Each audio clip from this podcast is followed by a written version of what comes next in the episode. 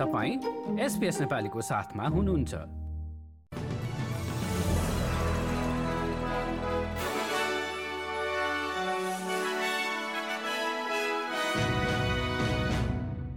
नमस्कार एसपिएसको बुधबार एक जुन दुई हजार बाइसको नेपाली समाचारमा हार्दिक स्वागत छ म कृष्ण पोखरेल। सुरुमा आजका मुख्य समाचार। सोचेभन्दा कम आर्थिक वृद्धि भएकोमा अघिल्लो सरकार दोषी रहेको सङ्घीय ट्रेजरर जिम चाल्मर्सको भनाई। एन्थनी अल्बानिजी नेतृत्वको मन्त्री परिषदमा विस्तार तीस मध्ये तेह्र महिला मन्त्री र पछिल्लो तीन महिनामा न्यू साउथ वेल्समा एचआइभीका सबैभन्दा कम सङ्क्रमित दर्ता।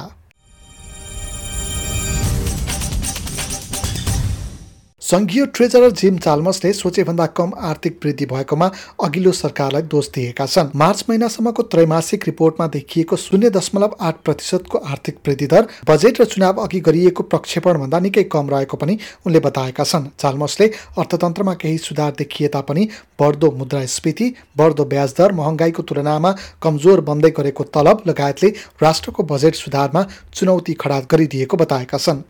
These national accounts are a glimpse of the mess that the former government left behind for us to clean up.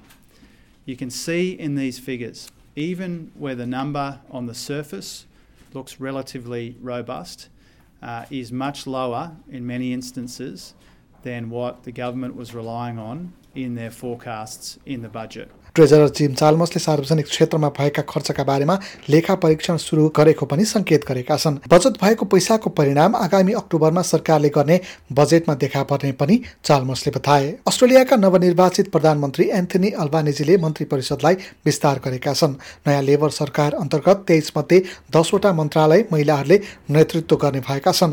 Tanya Plibersek Catherine King Clare O'Neil Michelle Rowland लगायतका नयाँ निर्वाचित महिला सदस्यहरूले विभिन्न मन्त्रालयको बागडोर सम्हाल्ने भएका छन्। प्रधानमन्त्री एन्थनी अल्बानेजीले मन्त्रालयहरूमा विविधता कायम गर्ने प्रयास गरेको बताएका छन्। उद्योग र विज्ञान मन्त्री एड हासिक मुस्लिम पृष्ठभूमिका पहिलो क्याबिनेट मन्त्री बनेका छन्। प्रारम्भिक बाल शिक्षा र युवा मन्त्री एन अली मन्त्रीका रूपमा शपथ लिने मुस्लिम पृष्ठभूमिकी पहिलो महिला बनेकी छिन्। तान्या प्ली वर्षेकलाई शिक्षा एवं महिला मन्त्रालयबाट वातावरण एवं जल मन्त्रालयमा सारिएको छ।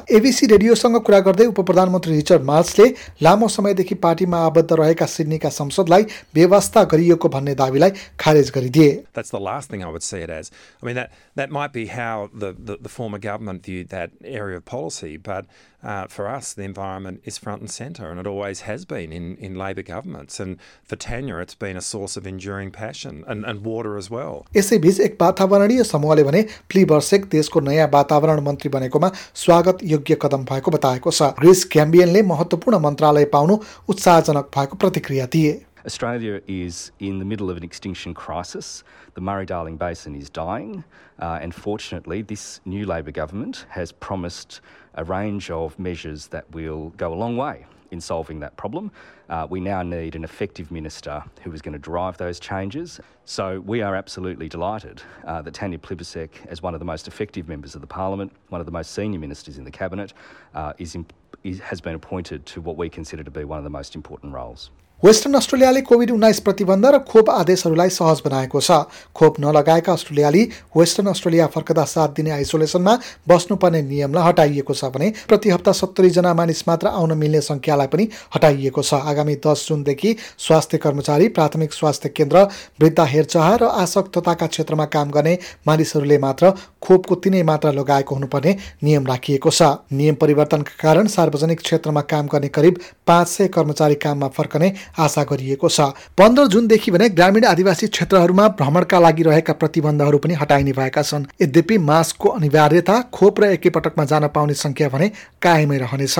राज्यमा खोप लगाउनेको सङ्ख्या बढेसँगै प्रतिबन्धहरू सहज बनाइन लागि वेस्टर्न अस्ट्रेलियाका प्रिमियर मार्क म्याकुइनले बताए। पछिल्लो तीन महिनामा न्यू साउथ वेल्समा एचआइभीका सबैभन्दा कम सङ्क्रमित दर्ता भएका छन्। यद्यपि परीक्षण दर निकै कम भएको भन्दै स्वास्थ्य अधिकारीहरूले चिन्ता व्यक्त गरे। वर्षको पहिलो तीन महिनामा न्यू साउथ वेल्समा तीस व्यक्तिमा एचआइभी संक्रमण पुष्टि भएको छ। यो पछिल्लो पाँच वर्षको पहिलो त्रैमासिक संक्रमण दरको तुलनामा सबैभन्दा कम हो। राज्यकी स्वास्थ्य प्रमुख केरी च्यान्डले जोखिममा रहेका मानिसहरूलाई जाँच गराउनका लागि अनुरोध गरेकी छिन् उनले संक्रमण कम हुनु स्वागत योग्य भएको भए पनि परीक्षण दर कम भएका कारण कमी देखिएको पनि हुन सक्ने चिन्ता व्यक्त गरिन्। अब खेल सम्बन्धी समाचार टेनिसमा तेह्र पटकका फ्रेन्च ओपनका च्याम्पियन रफाल नाडालले फ्रेन्च ओपनको सेमी फाइनलमा विश्व नम्बर एक खेलाडी नोभाक जोकोभिचलाई हराए पनि अझै धेरै काम गर्न बाँकी रहेको प्रतिक्रिया दिएका छन्।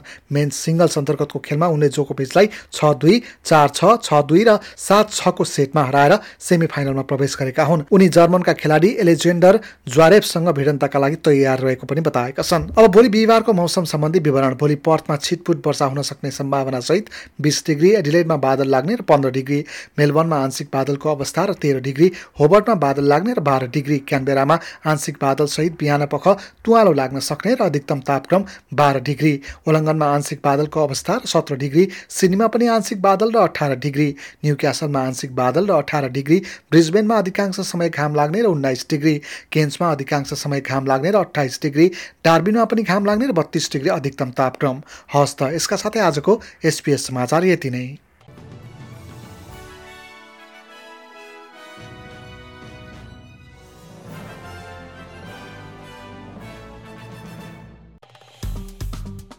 लाइक सेयर र कमेन्ट गर्नुहोस्। एसपिएस नेपालीलाई फेसबुकमा साथ दिनुहोस्।